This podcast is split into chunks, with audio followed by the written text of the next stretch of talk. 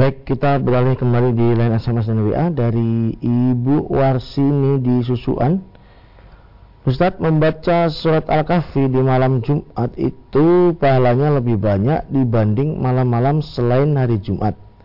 Apakah benar demikian Ustaz? Ya memang ada hadis yang demikian.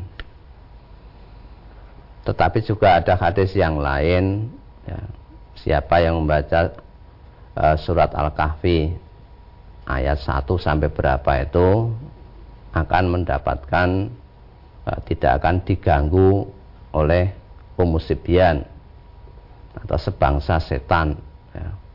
atau tidak akan mendapatkan hal-hal yang buruk ya. ada hadis yang tadi disebutkan memiliki kelebihan yang luar biasa di situ ada beberapa hadis yang doif ya yang terkait dengan uh, membaca surat Al-Kahfi tadi. Maka kita lihat derajatnya dulu hadisnya. Kalau soheh ya bisa kita pakai, kalau ya doif ya kita tinggalkan. Memang hari Jumat ada beberapa kelebihan.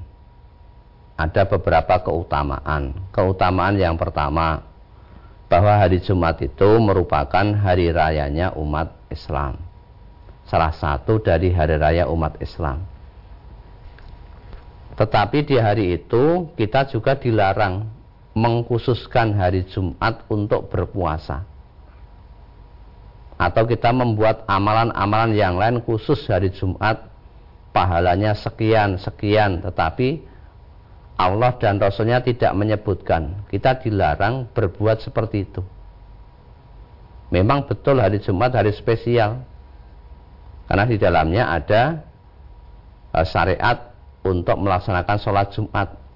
Yang di situ ada khutbah sementara di hari yang lain tidak ada. Dan kebaikannya juga sangat banyak ketika hari Jumat itu. Siapa yang mandi pada hari Jumat kemudian berniat untuk melaksanakan sholat Jumat kemudian dia e, mendengarkan khutbah sholat bersama imam Eh, akan diampuni dosanya dari Jumat itu sampai Jumat yang akan datang ditambah tiga hari. Kemudian orang yang datang pada kesempatan yang pertama seolah-olah berkorban seekor sapi. Yang kedua berkorban seekor unta. Kemudian yang datang pada kesempatan yang kedua seolah-olah berkorban seekor sapi. Berikutnya kambing, ayam, telur. Ya itu kebaikan-kebaikan yang didapat sebagai motivasi. Tetapi kalau ada hadis-hadis yang menyebutkan tentang kelebihan-kelebihan tapi hadisnya itu derajatnya doif ya kita jangan memakai hadis-hadis yang seperti itu hadis yang sokai-sokai saja yang sudah pernah dijelaskan diterangkan dalam kajian-kajian itu ya. ya.